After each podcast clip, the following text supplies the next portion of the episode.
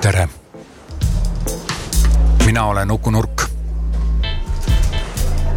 ja siin selles põrgulise sarjas ma püüan leida põhjust, mis paneb Eesti juhte käituma täpselt nii, nagu nad käituvad. siin on tegemist inimese psühholoogiaga, meie juurtega, meie ajalooga. kõik otsused ei ole pelgalt ärilised. stuudios on Margit Raid, inimene, kes on aastaid tegelenud juhtide ja juhtimisega vaatame, kas suudame tuua valgust sellesse küsimusse. kas saame leida ammendavaid vastuseid, kuigi ammendavaid vastuseid ei ole olemas. küll aga on olemas selgus. Ja kuna, kuna sina oled ju ometigi tegelenud päris palju nagu tippjuhtidega ja nende inimestega, kes ennast nagu mm, nii-öelda kelle taga on väga palju neid inimesi, kes tema poole kui juhi poole vaatavad, eks ole, kui sa nüüd ütled tippjuht või ütled sa keskastme juht või ütled sa mingi, ma ei tea, vahet pole, kes on, et sageli on ju see, et, et firmal on ka omanik, on ju.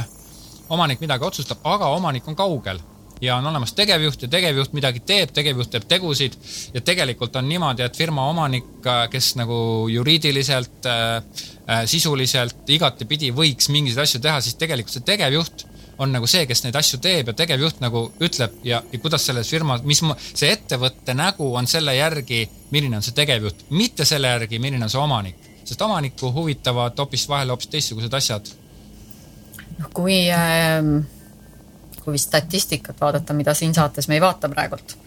siis Eesti ettevõtluses on väga palju neid omaniktüüpi juhte ehk neid omanikke, kes võtavad ja ei anna ka juhtimist käest ära et on neid juhte, kes on ise nii omanikupükstes kui ka juhipükstes. ja mõnikord ongi neil raske, väga raske teha otsuseid tänu sellele, et nad ei tea, mis rolli valida. et kas olla omanik või kas olla juht? Nad vaatavad omanikuna seda otsust ja ei suuda teha juhtimisalast otsust,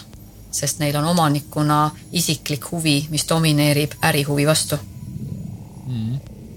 et meil on, kui ma vaatan väikeettevõtteid, neid, kes ostavad odavalt, müüvad kallilt, teevad eksporti, siis seal on tegelikult Eestis täna väga palju neid juhte, kes on omanikuna ettevõtte juhtimises kaasas ja kellel on otsuste tegemine noh, tegelikult päris raske. Kui ma vaatan siin sõna tegelikult hakkab korduma, aga kuulan iseenda häält kõrvale, et et omanik, kui ta on võtnud ka juhi rolli, siis on väga oluline rääkida lahti ka oma meeskonnale ja rääkida lahti iseendale, mismoodi ta teeb vahet. Sest sellel hetkel, kui sul tuleb valida, kas sa ise või see, mis on sinu äri, siis äh, võib, et juhtidel on laual väljakutsed. Kas me saame nagu niimoodi ütelda, et Eestis on äh, sellised case'id, kus äh, omanik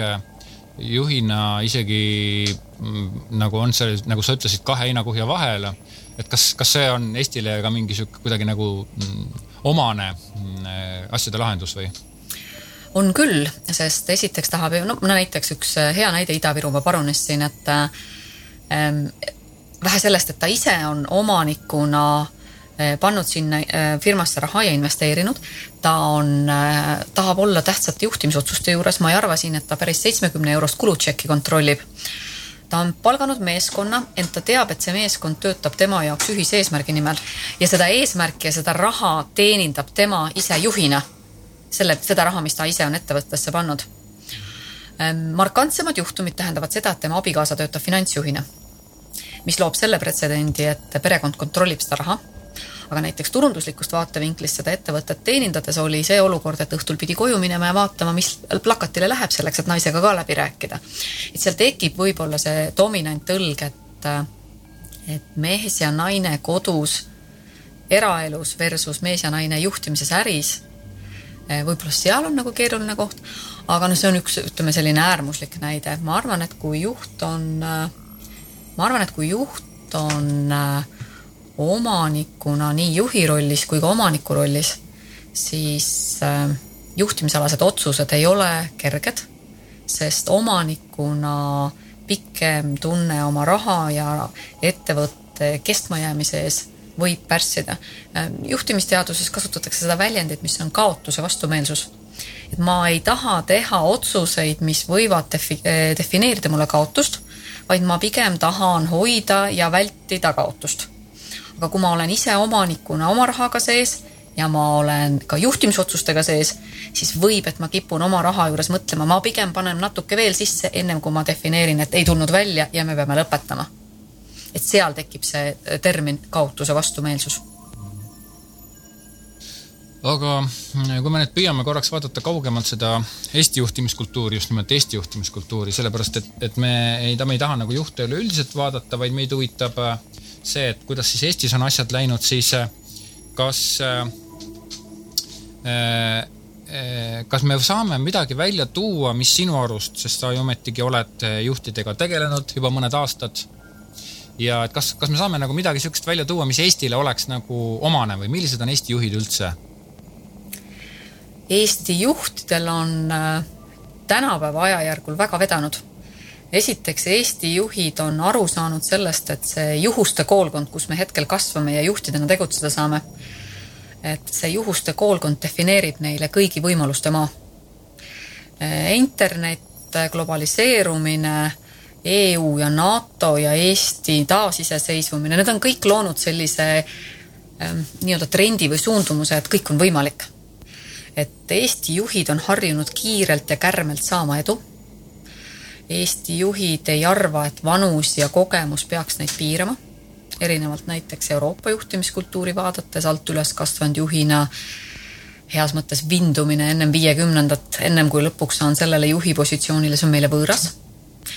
ja vaieldamatult see kiirus defineerib ka ära, mille, see defineerib selle, et me läheme teist juhti vaatama suht sarnaste ootustega meie oleme siin saanud viimased kakskümmend viis aastat teha pöörast karjääri.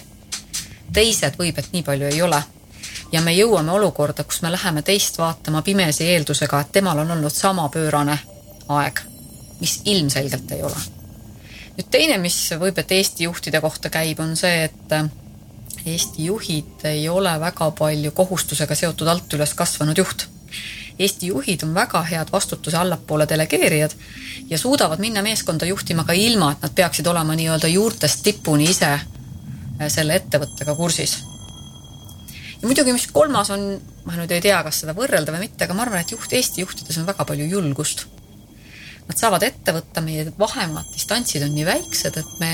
tahame seda julgust enda sees hoida ja ma, ma usun, et konsultandina on olnud ka hea meel seda julgust treenida ja seda julgust hoida, et, et me võib, et ei ole pidanud olema nii väga üheülbalised. seda juhti ju eeskujuna pole ees olnud. see juht on meie seest ise välja kasvanud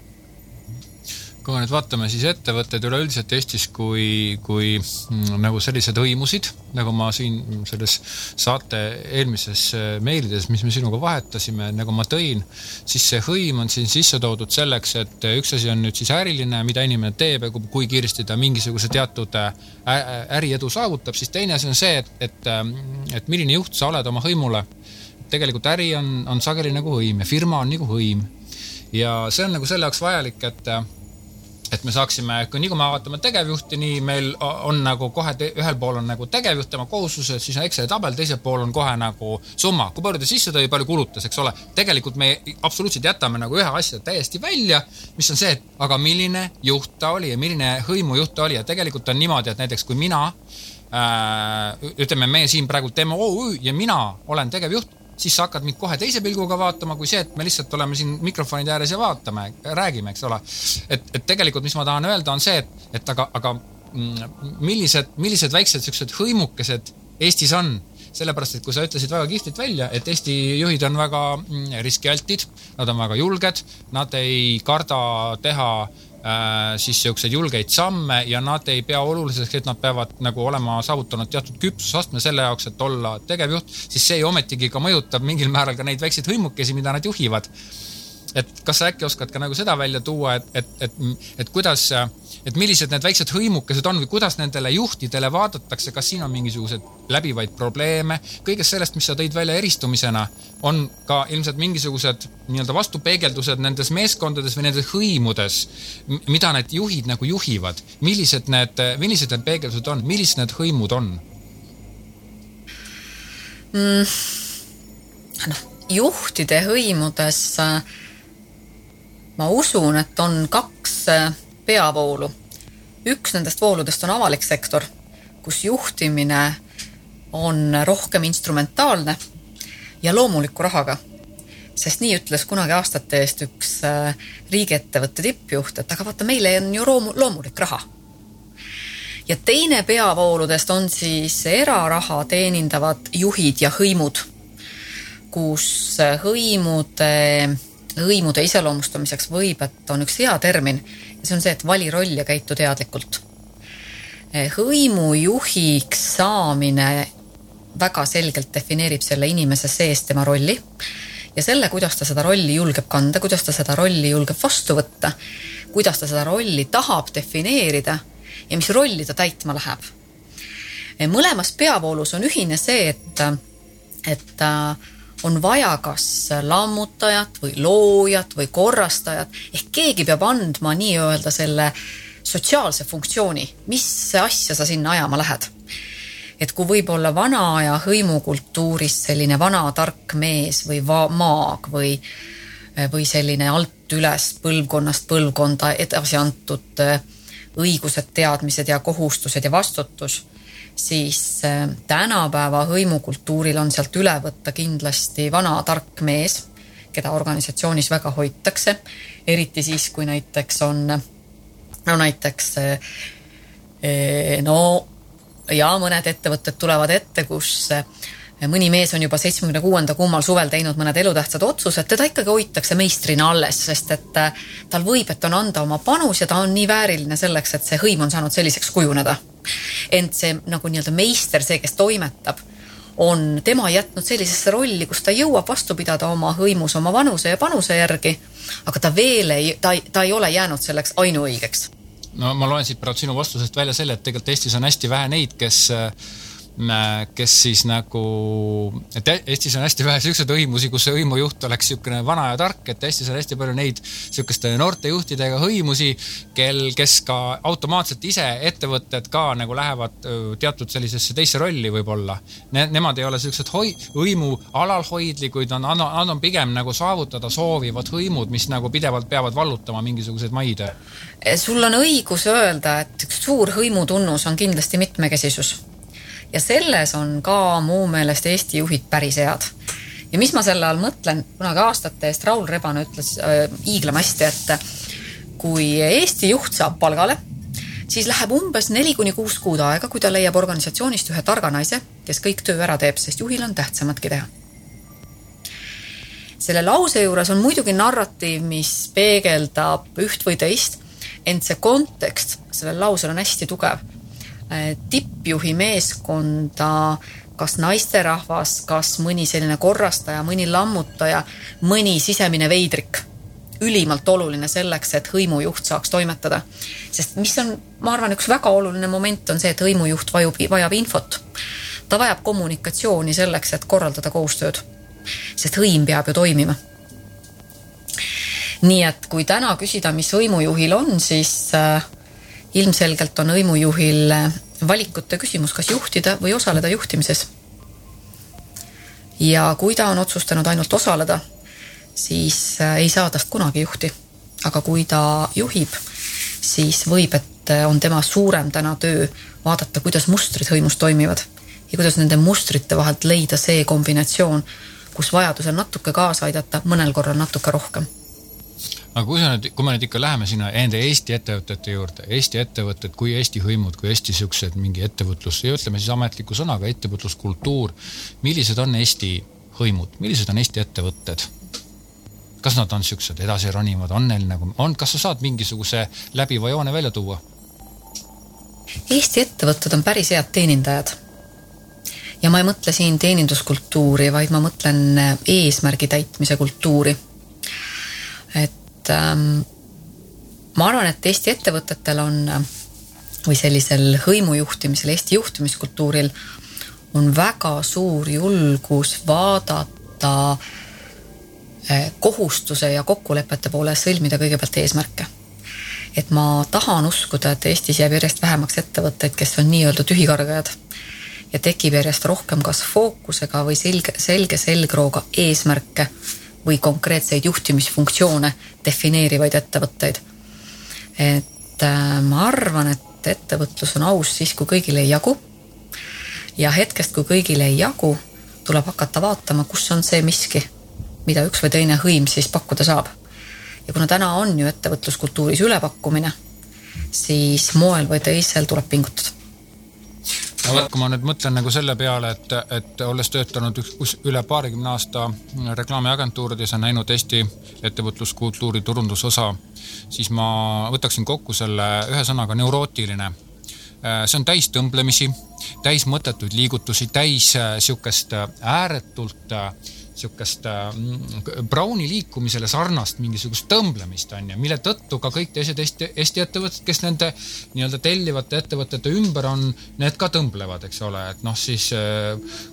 kes teeb ja kes, kes kusagilt ka midagi nagu peab siis tellima, et, et see on nagu minu, aga ma saan ka täiesti aru, et see valdkond võib-olla, milles mina olen olnud, ongi üsnagi paljuski selline neurootiline valdkond. et tegelikult see on nagu minu jaoks üks, üks näidis aga samas ma ei tahaks seda uskuda ja samas ma näen ka väga selgelt seda, et äh, kui meie siin räägime, et täna, nüüd kakskümmend aastat oli Eesti iseseisev, nüüd tulid Eesti juhid sinna ette, et nad hakkasid siin juhtima ja hakkasid tegema. Neil on kindlad eesmärgid, siis mina keeldun uskumast, et need inimesed sündisid siia, kukutati siia kusagilt ufo pealt maha ja hakkasid juhtima tegema.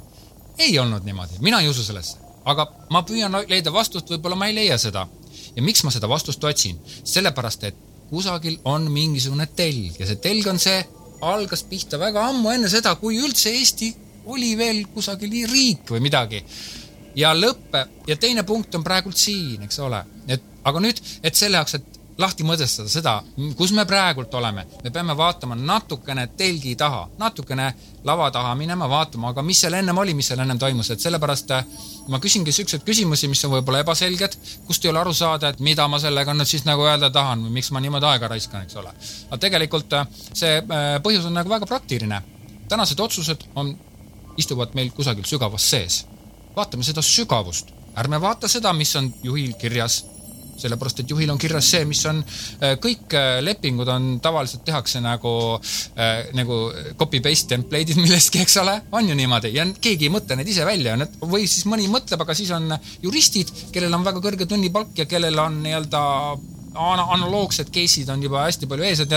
et me ei saa vaadata neid lepinguid, mida need juhid täidavad, küll aga me saame vaadata seda, et need juhid ometigi teevad mingisuguseid otsuseid, mis on nendel sees kusagilt sügavalt ajaloost Eesti, Eesti inimeste ajaloos, Eesti inimeste, Eesti rahva ajaloos, Eesti sõdades, Eesti õitsengutes, Eesti vabaks saamises, orjuses, kui mitte or-, isegi me lähme, võime minna kusagile nagu sinna soome-ugri maile tagasi äh,. Äh, Raag, Ilmar Raag on, on nagu öelnud jah, et Eestis on nagu ürg, need vanad eestlased ja, ja soome-ugrilased äh, et siis, kes on nagu siin eelnevalt olnud ja soome-ugrilased, kes on siia sisse rändanud. kas sina oled tundnud nagu midagi sellist, et on nüüd see, see juhi tüpaaž, ta täidab ettevõttes mingit rolli, samas tema juhtimisoskus ja tema juhtimisvõtteid mõjutab veel miski, mida ei ole defineeritav äh, nii-öelda paberi peal? on küll. ja siin, ma arvan, on juhtide seas selline jagunemine, et on selliseid sõdalase tüüpi juhte kes on valmis minema üksi. ja on neid sõdalase tüüpi juhte, kes on väga selgelt valmis panustama ettevalmistusse, valmis panustama meeskonda selleks teada, et, et kas ma siis lähen võitma lahingut või ma lähen võitma sõda. et üks ürgne joon, mis on, on see, et juhtide puhul näeb sellist skaalat, et ühes on see üksik dzotile viskuja, see noh, nii-öelda ähm, igavesti harjunud teadma, et kui mina ei tee, siis keegi ei tee. ja siis on see nii-öelda hall ala teise äärmuseni välja, kus välditakse otsuste tegemist. aga ma usun, et seal hall alas on hästi palju just momenti, kuidas eh, võib, et meie hõimukultuur on meile õpetanud sellist alt üles juhtimist. et seda, mida vahepeal selline hierarhiat kandnud juhtimine oli võib et ära unustanud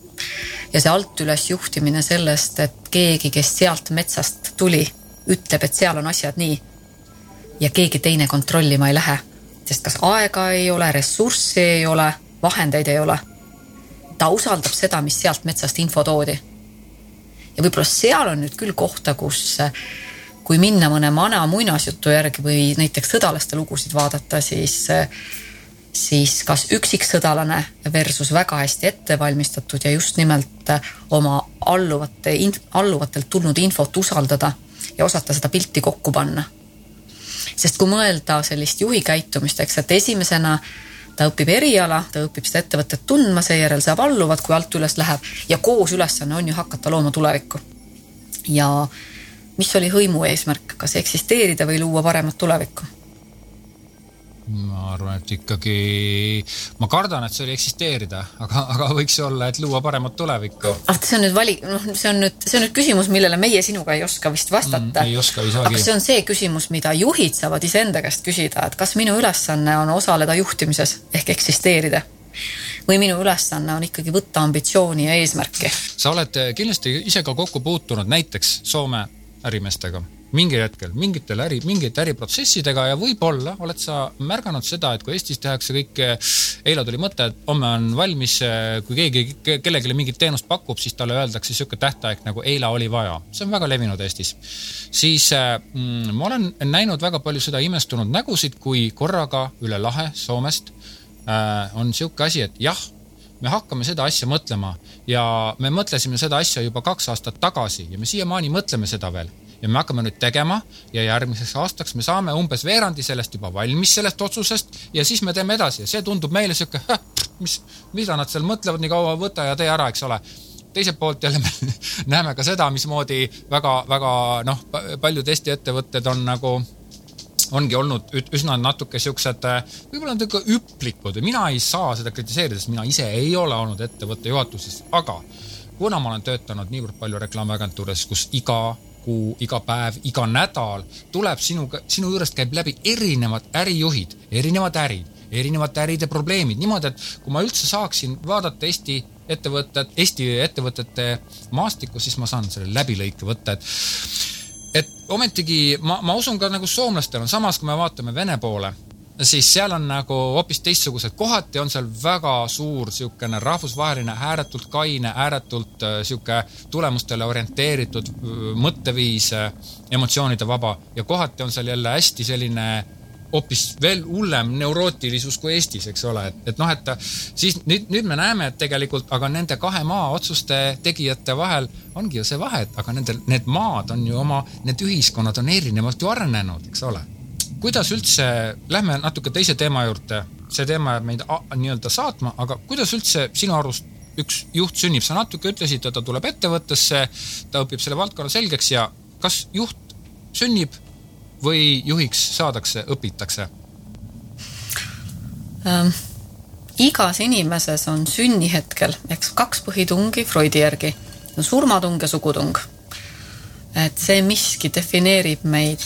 et siis, kui sugutung on, see on juht, eks ole, kellel on ehm.... või see, see, kes kardab surra, see on siis see, kes nii-öelda on alalhoidlik et vot, et see on nüüd jälle tõlgendus, kuidas keegi mm -hmm. minema hakkab mm, -hmm. aga et, et noh, surmahirm paneb tegutsema. ja soov olla armastatud paneb ka tegutsema. ja mõlemad võivad meid edasi viia noh, nii-öelda lõputu, lõputu märgini välja. mis on võib-olla selline huvitav moment, on see, et et ähm, on ju koole ja riike ja ühiskondasid, kus juhte hak-, juhiks hakatakse kasvatama praktiliselt lasteaiast koolist saati. ja on siis äh, juhte, kes ühel hetkel tunnevad oma juhigeeni ära ähm,. mul on äh, olnud kogemust aastaid äh, haridusjuhtidega ja haridusjuhtide töölaual kindlasti on täna see küsimus, et kuidas järgi võtta sest inimesed, keda nad juhivad, on väga rollikesksed. õpetajad on väga rollikesksed. ja seal tekib see moment, et kui palju ma seda juhti endas üldse luban vabastada. Versus see, et keda ma siis saan juhtida. et ma võin küll olla hiiglama laheda juhi geeniga ja väga suurte ideedega, aga kui mu vahejuhti, juhid on need, kus ma seda juhtimiskapatsiteeti või võimu kätte ei saa, siis mul selle autokraatse võimuga võib, et liiga lihtne ei ole aga ikkagi, kas sa oled näinud selliseid juhte, kes on nagu sündinud juhiks, sa näed, et sellel mehel, see mees on nagu või see naine on nagu, ta on sündinud juhiks? ma olen neid näinud siis, kui nad on juba küpsemas juhiks või on küpsenud juhid ja lähevad edasi ja kuulnud võib-olla nende organisatsiooni kultuurist, mismoodi nad on tulnud ja olnud. no eks neis seda miskit on, mida nad julgevad jagada. Ma ikka tahan taandada, et on väga suur hul-, äh, hulk äh, tegevusi või selliseid mõju omavaid juhuseid, mis taanduvad äh, rollile. kas ma julgen võtta rolli olla keegi teine sest kui ma olen väga hea erialaspetsialist, siis ma võingi jääda väga heaks erialaspetsialistiks ja hoida seda rolli. aga juhiks olemine ja juhiks kasvamine eeldab seda, et ma käin ka võib et rohkem sellisel või ma julgen käia seal pimealal. Et eh, kuivõrd eh, selline mõttekonstruktsioon, et, eh, et kui vaadata mõju, et siis et võib-olla põlvkondi tagasi on juhtide mõju olnud selline keskpärane ja aegu tagasi on juhtide mõju diktaatorite ja selliste Vana-Rooma aegade juures on olnud jälle üüratult suur. et siis nüüd on pigem põnev küsimus juhtimiskultuuris tervikuna, et kuhu me liigume. Kas me liigume sinnapoole, et äh, juhtide enesekindlus ja enesetõhusus on äh, need äh, nii-öelda relvad, mis iseenesest ei ole ju tugevad väärtused, vaid just nimelt pehmed väärtused. ja kas me liigume sinnapoole, et juhiks hõim peab sind ka siis, kui sa ei ole mõnda maamärki käinud ära võtmas. aga mm, Eesti, Eesti ettevõtlusmaastik, Eesti ettevõtluskultuur ja Eesti hõimud, kes siin Eesti ärialadel elavad, ärihõimud, kas, kas see, kas seal on nagu rohkem siukseid mm, mõõgaga sadulasse juhte sinu arust või, või on seal nagu rohkem siuksed, kes on nagu oma rolli nii-öelda võtnud, et okei okay,, no teeme siis, hea küll, ma olen siis juht, on ju. keda seal nagu rohkem on? mulle tuleb meelde üks juhtum sellest EBS-i Executive MBA programmist. seda me oleme kuus lendu teinud äh, ja vaadates juhi eneseväljendusoskusi, siis nad on kasutanud ühte sellist väljendit, et on väga kurb, kui sina, sinust saab tööst vabastamata brigadiir. et üks juhi üks väga suur äh, oskus on vabastada alt üles kasvades ennekõike, on oskus vabastada ennast oma olemasolevast töölauast ja hakata looma tulevikku või minnagi kuulata, mis vahejuhid räägivad selleks, et mõelda suurelt, mõelda kastist välja või minna näiteks ka suurettevõtetes startup kultuuri juurutama või vähemalt seda servast sees hoidmas. et kuidagi defineerida seda märksõna, mille nimi on areng. et kust see areng tuleb, et tõenäoliselt on ettevõtteid, kus areng tuleb kolmanda komakoha timmimisest aga võib, et siin Eesti juhtimiskultuuris ikkagi areng on heas mõttes kas lammutamine, uue loomine või, või julgus teha senisest midagi täiesti era, no erakordset ja teistsugust. Et kui mõelda näiteks Eesti juhtide mõju peale, siis maailma tasemel mõju omavaid äh, juhtimisotsuseid teinud eestlasi meie kümnendil ju elab mis on nagu ääretult kihvt, et olgu see siis seesama Skype'i näide, olgu see siis seesama print, 3D printeri näide või seesama Unicorn Bolti puhul, et et sealt ei ole võimalik öelda, et et Eesti juhtidel ei oleks seda soovi minna sõdalasena maailma. Ja ei ole ka võimalik teist kätt öelda, et me oleksime väga kinni ainult olemasoleva timmimisest, kuigi mõnikord võib just raha teenida ka olemasoleva timmimisest, eks mm okei okay., ma saan sinu vastusest siis aru seda, et tegelikult äh, mm, on see Eesti juhtimise kultuuri niisugune keskmine näidis see, et nad ettevõttena või hõimuna nagu lähevad siis vallutama, aga niisuguseid väga tugevaid äh, nagu mõõgaga ratsajuhte võib-olla on nagu vähe, kas, kas see võiks olla see kokkuvõte? ma ei julge nii öelda, sest äh, tead, mis mängu tuleb mängu tuleb omanike raha ja omanike tahe no ma, ma räägin sulle loo. aastaid tagasi ma juba, ma ei tea, hästi palju aastaid tagasi ma käisin nagu ülikoolis, lõpetasin ülikooli ära ja siis korra meie ülikoolikaaslastega oli, oli sihuke, saime kokku ja äh, siis üks tegi seal ettepaneku, et kuule, aga teeme oma firma, hakkame tegema. ja noh, need jutud, mis seal kõik räägiti ja mis seal kõik ja tema ainus, ainus soov, tal oli üks ainus soov tehke, mida tahate, aga minust peab saama direktor, kõik, punkt. et, et see, see on nagu midagi sihukest, mida, mida ma nagu nimetaksin nagu sündinud juhiks. Ta oli ülikooli lõpetanud nalk, eks ole, no mis, mis juht ta niisugune on, eks ole. aga nagu ta ei näinud ühtegi teist rolli oma selles, selles meie loodavas ettevõttes, mida ei juhtu, mida minu, minu, mina vähemalt ei jäänud sinna, eks ole aga, aga et noh, ma toon siin nagu väga selgelt selle, selle kuju, selle tüpaaži sisse ja mm, nüüd, miks ma nagu nii järjekindlalt ajan seda väga hägust teemat, sa kindlasti ka mõtled, et miks ma ajan. et see põhjus on nagu selles, et tegelikult mm, ettevõtted, Eesti ettevõtted äh, omavad äh, teatud sellist kuvandit. ma olen siin kuulnud ka seda, et, et Eesti äh, startup'id eristuvad maailmas selle poolest, et kui näiteks Ameerikas tehakse startup'i, siis tahetakse teha sellist, et nagu paneme kümme miljonit sisse ja valutame nagu maailma nagu viis korda ära ja, ja umbes kui läheb untsu, siis läheb untsu Ameerika ärimehele on pankrot täiesti nagu tavaline, seda räägitakse, mina ei tea seda, aga seda räägitakse. siis Eesti startup'id eristuvad selle poolest, et nemad hakkavad pihta nagu vaikselt. Nemad panevad kõigepealt ühe seemne, siis panevad teise seemne. kui need seemned hakkavad hästi kasvama, juhul kui, siis nad panevad kolmanda seemne ja niimoodi saab võib-olla mingite aastate pärast põld täis. Ja ma tean, meil on olemas väga suuri unicorn'e, kes on nagu teinud edu, aga Eesti maailmas räägitakse niimoodi, et Eesti startup'id eristuvadki selle poolest, nad teevad väga palju väga vaikseid tarku otsuseid, nad hakkavad pihta vaikselt nagu alt üles. Nad ei lähe niimoodi, et nad nagu võtaksid kohe nagu suure nii-öelda läikiva tangi, millega sõita nagu üle maailma ära, et, et see, et see on eestlastel nagu midagi, midagi, mis neid iseloomustab. Mm,. no ma saan aru, et sa vihjad sõnale talupojatarkus. midagi sihukest, jah. ja ma julgen arvata, et meil on üks, me elame hetkel ajajärgus, kus on üks hästi oluline termin, mis tuleb juhtide töölauale ja see on põlvkondade ülesus. et kuidas ma oskan kokku panna kahekümne viiese, neljakümne viiese ja kuuekümne viiese ja kuidas ma selle uljuse mis tuleb veel lõpetamata ülikoolist ja direktoriks saada soovist. realiseerin nende vahenditega, mis kuuekümne viiesel on investeerida ja mis neljakümne viiesel on siis nii-öelda manageerida. et võib-olla seal on nagu see koht, kus täna läheb Eesti juhtimiskultuuris põnevaks või kus on väljakutseid, et kus saab minna kiirelt, kus sa saad võtta nii, ma ei saa öelda muud väljendit, võib-olla turvalise raha ja minna ja proovida ja sa tead, et sul on ka õigus läbi kukkuda versus sa võidki minna teadmisega, et sa hakkad pisitasa minema, miks praegu startup'i kultuuris ju nii väga pakutakse raha juurde, on just nimelt selleks, et äh, täna on inimestel üle ja suur soov ennast teostada, aga mitte kõigil ei ole nii palju ideid. ja võib-olla sellest, et ennast ideena ka läbi juhtida,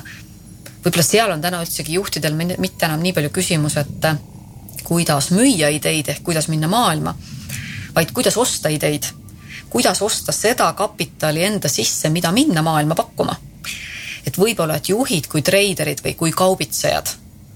peaksid ka täna vaatama julgelt läbi, et kus nende organisatsioonis on nii-öelda müügikapatsiteeti ja kus on nii-öelda ideede ostmise kapatsiteeti ja kas nad seal on ära kasutanud kõik põlvkondade ja hetkel nagu maailmas täiesti globaalsete trendidega meile ka võimalike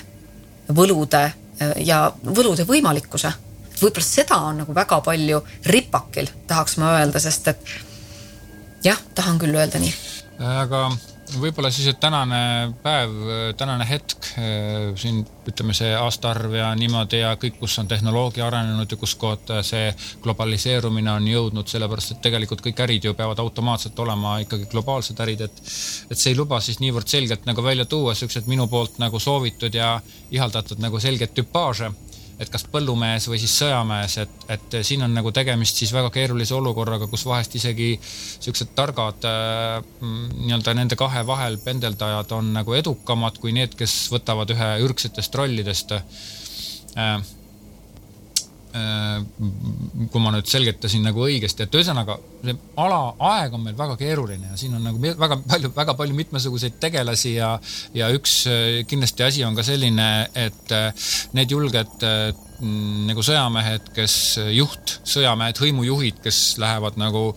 ratsa ja, ja tõusevad ja, ja tõusevad tuhast, et nemad on väga palju pandud paika siis omanike rahaga, sellepärast et ka nemad peavad omama oma tegevusteks mingisuguse raha ja nad pannakse sellega paika ja teiselt poolt need um, nii-öelda mm, vagurad põllumehed siis, kes seeme seemne haaval kasvatavad põldu, need siis tegelikult jällegi suudavad vahest nagu valitseda väga suuri rahamasse, mistõttu nende kasutuses on nagu, oleks nagu, nemad võiksid nagu olla nagu palju julgemad, aga okei okay.. Äh, nüüd üks asi on see, et, et milline on juht, milline äristrateegia, mm, aga teine asi on ka see, et, et, et ükstapuha, milline see juht on ja kuidas tema oma seda nagu ennast teostab juhina, nagu sa väga kaunilt nagu seletasid seda, et kuidas inimene peab leidma endas selle juhi, igas inimese juht olemas, eks ole, siis see, milleni see juht jõudis, tegelikult paistab välja ka ettevõtte mm, välises kuvandis. ehk siis ettevõtte kuvand kokkuvõttes sõltub sellest, milline on tema juht ma olen olnud äh, väga palju aastaid, kokkuvõttes räägid ühe teise turundusjuhiga, spetsialistiga, mingisuguse teise võtmetegijaga sealt ja kokkuvõttes sa saad aru, et tegelikult jah, võiks teha küll. kõik ütlevad ja tegelikult võiks teha küll, kokkuvõttes sa põrkad selle juhi vastu ja sa ei räägi selle, sa ei saa selle juhiga mitte kunagi kokku, aga sa põrkad selle vastu, aga tegelikult oli nõukogu, nõukogu ütles, et me see aasta seda ei tee, kõik, seo. ja, ja see omakorda nagu saab mingisuguseks selle ettevõtte välise kuvandi niisuguseks läbivaks jooneks, eks ole. et nüüd, kui me võtame selle, et kus oli meie ajalugu, millised on meie inimesed, kus me parasjagu oma kapitalismiga oleme, eh, siis eh, tegelikult see kõik jõuab nendesse juhtidesse ja need juhid tahes-tahtmata mõjutavad seda, milline on nende ettevõte, aga need, iga juht, kes mõjutab oma ettevõtet, nemad kõik kokku tekitavad Eesti ettevõtluse maastiku ja siin maastikul on läbivad mingisugused väga äh, nagu äratuntavad mustrid ja jooned, aga mustrid just nimelt, see muster on, on väga hea sõna siin, et, et ta ei olegi nagu joon, sirge joon, vaid ta on nagu muster äh,. kas, kas sinu arust on ka niimoodi, et juht mõjutab ettevõtte kuvandit, mis välja paistab?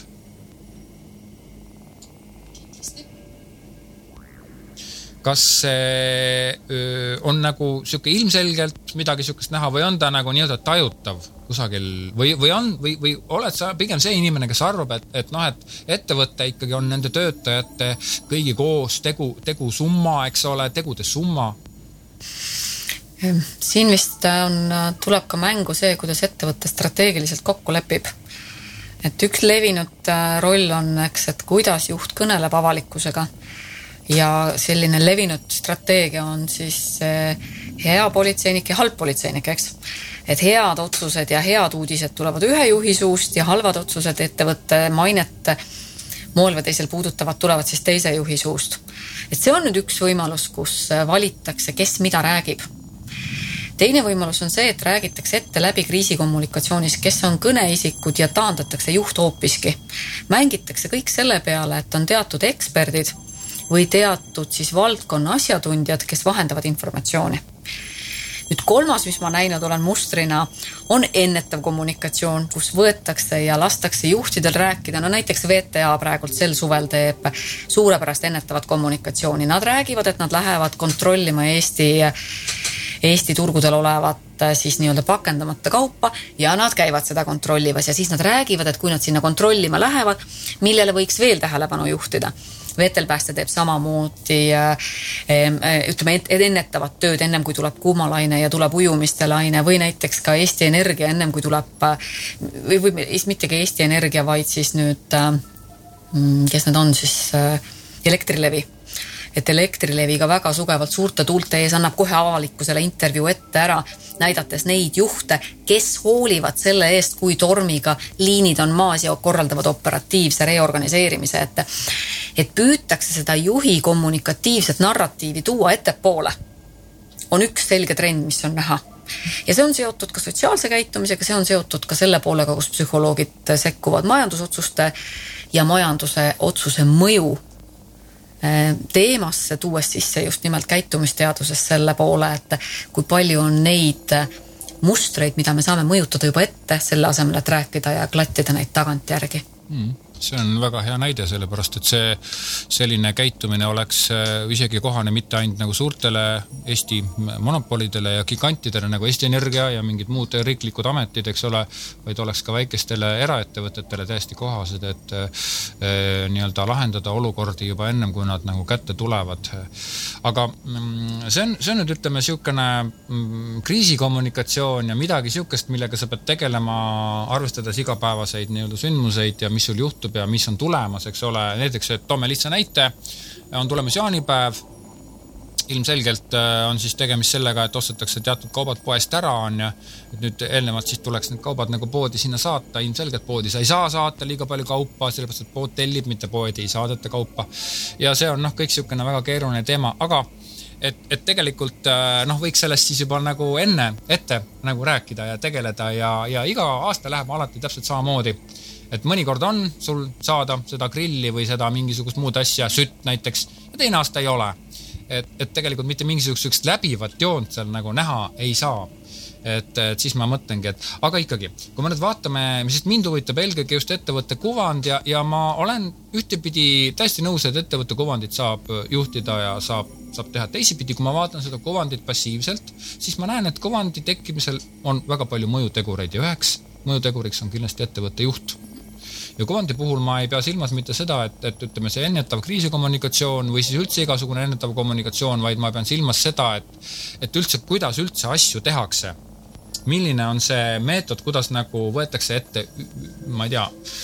noh, alates turundusest, lõpetades siis ka võtmeisiku lahti laskmisel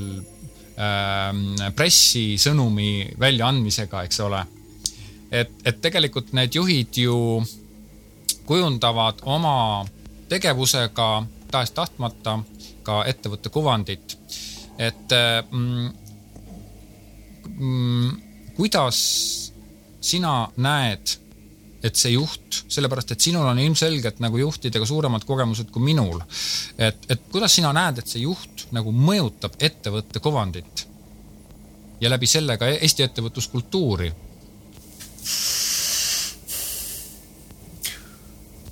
Kui ma küsin iseenda käest, et mille järgi ma tunnen ära hea juhi,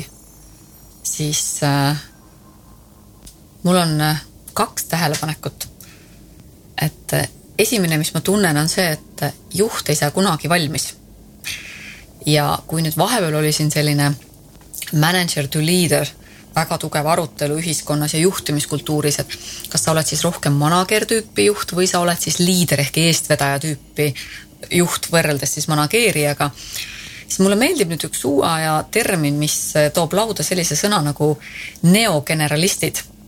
ehk et nad ütlevad, et võib, et liidri käitumine ja liidrina juhiks olemine või ka siis selles kuvandis lihtsalt keegi olemine, osalemine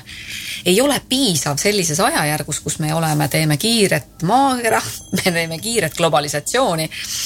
ja nad toovad välja siis kaks serva mis mõneti haakub ka hõimukultuuriga, et kas olla keskpärane või kas siis äh, lubadagi neogeneralismi kaks komponenti, ühes servas on spetsialism ehk et äh, spetsialisti ja eksperdi kuvand. ja teises servas on siis generalist, keegi, kes genereeribki neid hulle ideid keegi, kes julgeb kuulda oma organisatsiooni hulle ideid ja julgeb aidata neid ellu viia ja vot seal tekib nagu see koht, kus on minu meelest põnev, kui panna kahele teljele spetsialisti liin ja generalisti liin ja vaadata, kuhu siis juhid lähevad. me kaks tuhat kaksteist tegime otsustamisuuringu Tartu Ülikooli majandusteadus ja psühholoogia teaduskond koos ja uurisime, et kas Eesti juhid on siis pigem sellised avatud kiired otsustajad või pigem sellised vältivad ja eitavad otsustajad ma siia vahele nagu veel kord nagu räägin seda, et, et ääretult lihtne on võtta nagu sa, raadiosaates üks sihuke teema Äh, ja, ja käsitleda neid juhte nagu nii-öelda rääkida justkui sellest nagu kõrvalteemast või mingisugusest niisugusest turvalisest asjast, mida on jube hea käsitleda ja mis on alati kõigile selge, kus see teadmine on juba nii-öelda raamatukogus kusagil kirjas internetis kõigil olemas. aga jube keeruline on alati teha seda saadet, kus sa pead nagu mm, seda asjade tagu, asjade taga olevaid asju käsitlema ja see ongi keeruline ja kuigi mitte keegi sellest ei räägi, siiski sa niimoodi selgelt saad aru, kuidas äh, kuidas äh, tegelikult see, see, see niimoodi mõjutab meie igapäevaseid otsuseid, meie äritegevust, absoluutselt kõike seda, aga sellest, mis, mis mõjutab, sellest tavaliselt ei räägita, aga mina püüan rääkida sellepärast, et see ongi see põrgulise äh, nii-öelda sarja üks tunnused, et ma üritan seda, seda teemat lahata. Ja see üritus lahata, see ongi filosoofiline arutelu teemadel, aga tegelikult ta annab vastuseid väga paljudele küsimustele, sest et sageli on meie kõigi otsused, et aga miks müüakse Eestis ettevõtted maha, aga mikspärast tulevad väljamaalt ettevõtted siia sisse, aga mikspärast Eesti ettevõtted on täpselt, aga miks edukad ettevõtted Eestis on siuksed, nagu nad on, millised on need edukad ettevõtted? Ja neil kõigil on tegelikult mingisugune läbiv joon, mulle kunagi väga meeldis, see oli niisugune köögilaua jutt, aga ma arvan, siia ta väga hästi sobib, et noh, et näed, et ja see muideks ei olnud sugugi mitte Eesti inimene, vaid see oli Tadžiki või Tadžiki, vist jah, päritoluga ärimees, suur miljonär, eks ole, Nitsas elab, me, me temaga rääkisime Varssavis ja tema ütles siuksed sõnad, et tead, ega Putin on nagu Putin ikka, eks ole, kokkuvõttes ta teeb otsuseid ja me peame neid otsuseid nagu järgima ja see on nagu kõik okei okay,, aga noh, et kusagilt sealt alt tuleb alati välja see nagu lihtne sihuke vene Ivan kes neid otsuseid teeb, eks ole. ehk siis seesama mees võttis hästi lihtsalt, hästi lühidalt siukse rahvapärase naljaga kokku, et selle ühe juhi, väga olulise juhi siuksed käitumismudeli ja nüüd, nüüd, kui me nüüd räägiksime sellest tema mingitest seadustest, seadusandlustest, sõjakäikudest, mis ta teeb, eks ole, see kõik on väga oluline, tähtis, aga tegelikult seal kusagil all on midagi, mis seda kõike juhib. ja sellepärast mina ka eestlaste puhul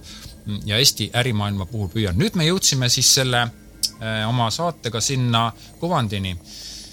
tegelikult ma tahaksin seda kuvandit äh, mm, veel käsitleda, sellepärast et ma ei saanud siit päris hästi seda nagu vastust kätte. kas sina, sa rääkisid väga hästi sellest, et kuidas sa tunned ära hea juhi. aga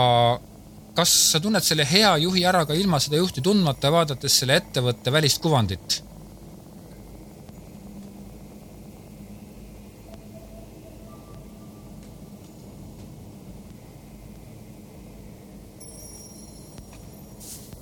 Mm. -hmm. tead, mõnikord reedavad äh, head või vähem head juhti vahejuhid. ja seal on organisatsiooni kultuuris väga suur risk. et mõnikord ei ole tippjuht nii suur risk, kui on vahejuhid riskiks sellest, et nad reedavad. Ähm, nad näiteks äh, kas juhtimise arengu seminaris või mõnes koolitusel või mõnel äh, konsultatsiooniprojektil jõuavad ühe etapi tööst ära teha ja siis kapselduvad. tarduvad mingil moel, kust jooksebki välja siis see eh, juhtimisolukord. jookseb välja siis see peegeldus mustritest, kus võib, et kõik komponendid enam ei oska vastata küsimusele, miks nad neid asju teevad. mis on nüüd see järgmine samm, mis tuleb teha ja kus on nüüd see, kes võtab vastutuse, kas võtab vastutuse ja kui ei võta vastutust, siis kes saab selle eest, nagu öeldakse, pikki pead ehk kuhu hakkab asi hargnema, kust siis hakkab mädanema, eks ja seal on küll põnev vaadata, et äh, head juhti, ma arvan, või halba juhti kui sellist ei saa defineerida muud moodi, kui anna ette mõni juhtimissimulatsioon, võta veel nad videosse ka või võta podcast'i ja siis peegelda tagasi ja siis mängivad mustrid välja. see on väga-väga põnev teema. aga ma, lähme veel selle ettevõtte kuvandi juurde, kas äh, kui ettevõttes või organisatsioonis näiteks ärme, ärme üldse lähe ei erasektorisse ega, ega riiklikusse sektorisse, avalikku sektorisse, vaid võtame lihtsalt nagu ettevõtte kui organisatsiooni. Eh, kas organisatsiooni kuvand sinu arust muutub siis, kui vahetub juht? ikka, ikka muutub. ma hiljaaegu kuulasin ühte TED Talki, kus üks juht, tippjuht, rääkis äh, oma juhi koormast ja just sellest, et see juhiks olemine ja selle ettevõtte kuvandiga kaaskäimine on teda nii tohutult muutnud kodus, et tal on tekkinud oma perekonna ees ähm, väljakutseid. ja tead, see mees rääkis, mismoodi tema selle olukorra ära lahendas. ta ehitas oma kodule juurde ühe sissekäigu veel kust õhtul, kui ta töölt koju läheb, läheb sisse see nii-öelda selle ettevõtte juht. ta vahetab ära oma riided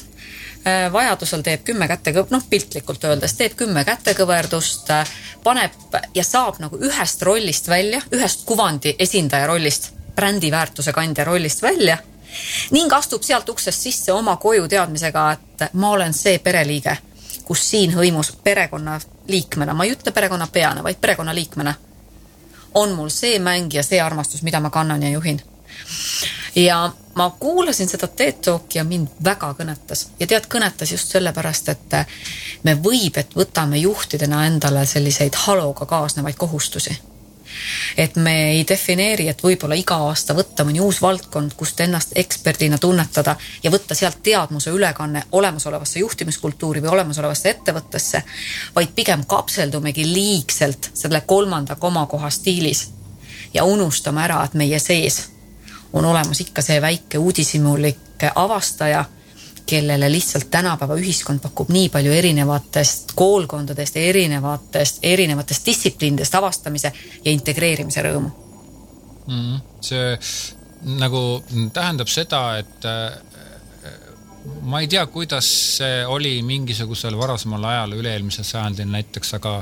ettevõtte ja organisatsiooni juht, äh, kas, kas see on ka niimoodi, et temal lasub järjest suurem kohustus või tal on järjest rohkem pingeid tänu sellele maailma globaliseerumisele, internetile, see on kui show-off on kogu aeg, eks ole. ütleme näiteks juht ei saa endast välja panna selliseid pilte nagu kassiir. kassiir võib endast panna pilti, kus ta on õhtul peol ja see on niisugune diskopidu kusagil ööklubis. juht seda teha ei saa sellepärast et see mõjutab tema kuvandit, mis omakorda jälle, aga ma ei saa seda ja seda ma ei saa teha teist, eks ole. et, et juhtidel on tegelikult see pinge on nagu vist nagu päris, päris kõrge tänapäeval. vastutus ka. et nad ikkagi, ega ikkagi nende isiksus nagu mõjutab päris palju ka ettevõtte kuvandit. et miks nad ei saa siis seda pilti panna, kus nad on röötsakil rannaliiva peal seal? sest nad on brändiväärtuse kandjad mm -hmm. ja võib, et see kannab neid kaasa ka kakskümmend neli seitse või nad ei defineeri iseenda jaoks ära, et mis on ootus. Ja jätavad noh, jätavad mõned asjad märkamata või nende meeskond jätab märkamata, sest juhid äh, võivad küll tipus üksi olla, tore ütlemine, aga juhi, ma arvan, väga selgelt defineerib ära tema meeskond, kellega koos ta saab juht olla. vaata seitseteist seitsekümmend kuus, mis oli kaasaegse majanduse aluseks, oli ju siis Adam Smithi raamat Nähtamatu käsi ja meil on nüüd EMBA kursusel päris mitu aega olnud see nähtamatu käsi äh, terminina ja narratiivina juhtimiskultuuris tugevalt. ma olen seda kuulnud, ma hakkasin mõtlema kusagilt, ma ei tea, kust see käis läbi, ma peaksin selle raamatu kätte võtma ja lugema või kuulama, ma, mulle meeldib kuulata, jah. aga just selle mõttega, et, et kui äh, juhi sisse on tulnud ilmselt vanuses kolmkümmend viis, nelikümmend kaks krossi järgi, tekib see iseendaks saamise ajajärk või siis muutus ja kui juhi sisse on tulnud see julgus aru saada, et minu tegemistel ei ole otsene mõju, vaid kaudne mõju ja märgiline mõju ja kaubamärki esindav mõju, siis sellest hetkest see nähtamatu käsi muutub nende jaoks ääretult oluliseks, nii et seitseteist, seitsekümmend kuus ja nüüd oleme me kakskümmend üheksateist, et äh, ei saa midagi öelda, et see oleks viimase sajandi leiutis, et äh, psühholoogid ja majandusteaduskonnad äh, koos vaatavad, kuidas toimuvad otsused või kuidas toimub mõju organisatsioonis mõjutamine ja alateadlike mõjukomponentide olemasolu on ju sajandeid olnud. Näha, küsimus on olnud selles, et kuidas seda juhtida. kuidas seda teadmist enda seest juhtida ja kuidas selle teadmisega, anna mulle andeks, ma võin öelda ka sõna Cialdinini järgi mõjustada, võin öelda mõjutada ja võin öelda ka päris brutaalselt, kuidas manipuleerida äh mulle jah, tundub niimoodi, et, et võib-olla, et tänu sellele sotsiaalmeedia väga jõulisele arengule ongi hästi palju ettevõtteid, kes on võtnud sotsiaalmeedia suhtes hästi konkreetseid hoiakuid ja seal on ka midagi näha. ma ikkagi juhin seda juttu sinnapoole, et tegelikult, kui me rääkisime sellest, et juhid kannavad seda rolli ja neil on raske seda rolli kanda, siis see äh, ongi üks mm, tõestus selle kohta, et nad ikkagi mõjutavad ettevõtte kuvandit ja see, et nad niimoodi nii-öelda seal piinlevad ja näevad vaeva ja on nähtamatu käsi, eks ole, et see on ikkagi kõik seotud sellega, et kuidas see ettevõte siis välja paistab. see mõju on kahepoolne, see ettevõte mõjutab neid ka ettevõte mõjutab neid ka, see on ka omakorda muidugi väga, väga huvitav asi ja sellest võiks nagu lõpmatuseni rääkida. siin me jah, nagu püüame äh, jällegi, kuna minu mm, äh, turundustunni podcast, mille seeria on nüüd põrguline, kus me vaatame siis asju nii-öelda tagantpoolt lava tagant, me ei vaata näitlejat äh, nii-öelda ei istu siis selles saalis, vaid vaatame tagantpoolt. selle eesmärk on ikkagi käsitleda brändi kui sellist ja nüüd me väga läbi väga pika tee jõudsime sinnani, et, et tegelikult juht on, on üsnagi võimas võtmefunktsioon või ütleme niimoodi, ta on väga paljude joonte ristumiskohas äh, selles ettevõttes, sõltumata sellest, kas tema ümber on nagu, milline meeskond tema ümber on, kas tal või millises valdkonnas ta töötab, loomulikult see Äh, nii-öelda joonte ristumine, ehk siis ta on väga paljude jõu, jõu, jõujoonte koha peal, näiteks äh, üks väga lihtne, labane, isegi lollilt labane näide on see, et, et ükstapuha, mis juht. Sa tead, et sellel juhil on alati palju tegemisi ja, ja, ja alati ükstapuha, kellega sa kusagil räägid või sa oled kokku või on koosolek, siis talle alati tulevad kõned. Ja ei helista mitte umbes mingi tähtis töö, umbes äripartner kusagilt Washingtonist, vaid talle helistab see kõige lihtsam raamatumüüja, reklaamimüüja, mingisugune, ma ei tea, liiva ja killustiku müüja ja mingisuguse väljaande müüja. ehk siis nad on, nad on kohutavas sellises äh, äh, äh, na, nad, nad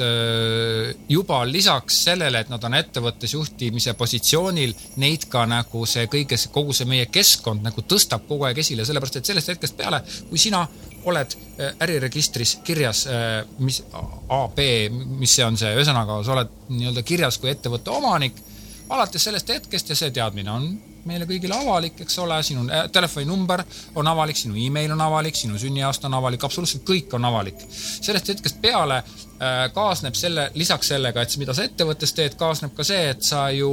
oled nii-öelda ühiskonna jaoks, oled äh, siis selline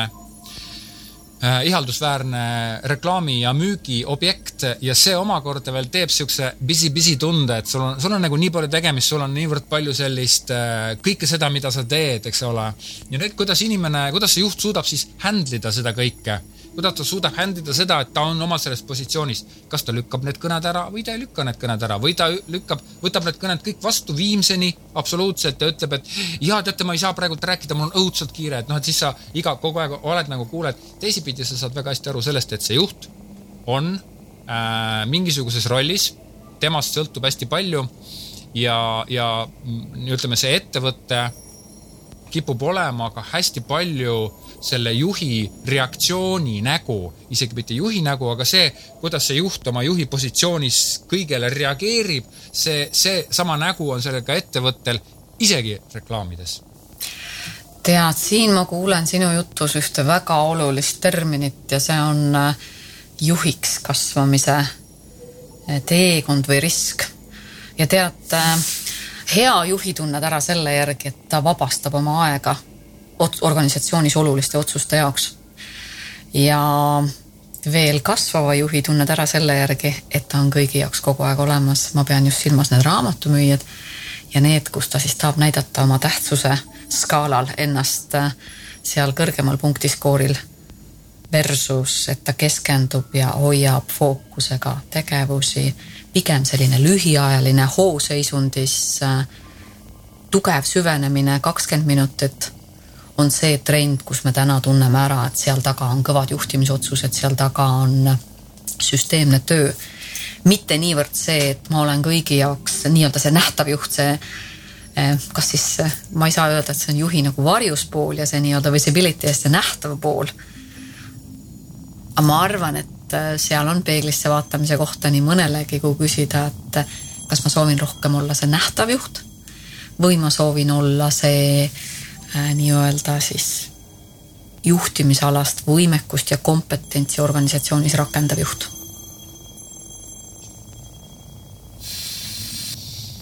mm,. Margit, räägi, milline on sinu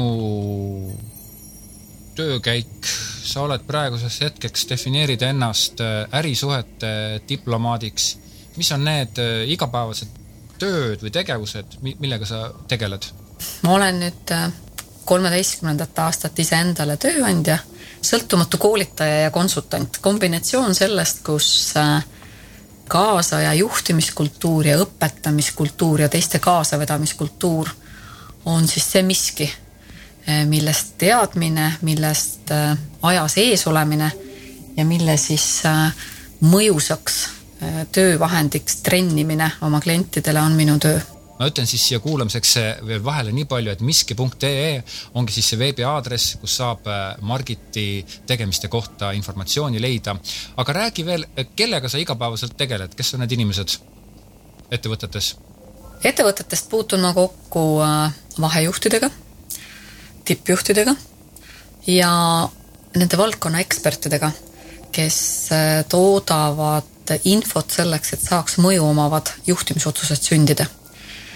ma treenin ka inimesi selleks, et nende lavaline küpsus ja nende kommunikatsioon ehk seesama ärisuhete loomine, hoidmine ja juhtimine saaks paremal viisil juhitud. ja mis seal salata, see coach'i ja superviisori ja konsultandi töö nii-öelda ristumine, mida ma siis nimetan arengutoeks, ehk et juhtide kõrval nende arenguetappidel olemine, nende kaasakuulamine ja iseendast teadvel olla aitamine, et see on ka see koht, kus, kus ma hetkel kaasa löön, nii et ma teen üks-ühele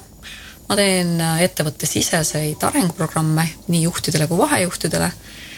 ja ma löön ka kaasa sellistes ekspertprojektides, et mõnikord tuleb mõni rahvusvaheline turundusettevõte, mõnikord tuleb mõni koolitus teha, mõnikord tuleb mõni arenguprogramm ettevõtte sees teha, et ad hoc'ina sellist just nimelt turundusjuhtimine ja, ja mõju omav kommunikatsioon, et see on see ala, kus ma tegutsen. nii et tegelikult see sinu mm mitu aastat, see oli ikka kaheksateist või kolmteist aastat, kui palju sa oled olnud? Äh, nüüd iseseisev kolmteist ja ennem seda ju siis ka juhtimiskultuuris, et kui sa siin ennem pilasid ja rääkisid nendest ülikoolist käivatest spetsialistidest, kes tahavad kohe juhiks saada, siis ma kümneaastaselt teadsin jõuluvanale öelda, et ma tahan direktoriks saada. nii et sa võid seda skaalat ettepoole nihutada ja no mis seal salata, peale ülikooli sain ma ju kohe juhipagunid endale puhtalt sellepärast, et aeg oli selline see, et äh, tipikoolis õpetati küll äh, majandust ja süsteeme ja turundust, ei tähenda seda, et seal õpetati inimestega hakkama saama, aga juhi töös ilma inimestega hakkama saamiseta ilmselgelt on olnud väljakutseid, eks. et jah, et ma olen juhi positsioonil mitmel korral olnud ja Baltikumi tegevjuhi rollini välja, millest samamoodi on olnud äh, ikkagi hulk õppimist ja hulk arengut. aga ennekõike julge, julge kogemus öelda, et juhi defineerib tema meeskond ja juht ei saa kunagi valmis aga nende ilusate sõnadega me selle pika vestluse lõpetamegi, ma usun, hea raadiokuulaja ja podcast'i kuulaja, et, et sa said siit targemaks ja tegelikult juhtimise teema on väga huvitav. kui sul on mõni mõte või mõni kõld, kild, mis sind jäi siit sellest samast jutuajamisest nagu kõrvu ja jäi nagu kiusama ja sa tahaksid ka tulla siia podcast'i sellest rääkima, siis kindlasti anna mulle teada, arutame, räägime seda ja võib-olla teemegi järgmise episoodi juba sinuga. aga aitäh sulle, Margit, et sa tulid siia saatesse ja, ja kannatasid ära kõik minu imelikud ja segased küsimused. Margit Raid eh, oli siis minu saatekülaline ja miski.ee oli tema koduleht. Teile aga ilusat suve lõppu ja kohtume peagi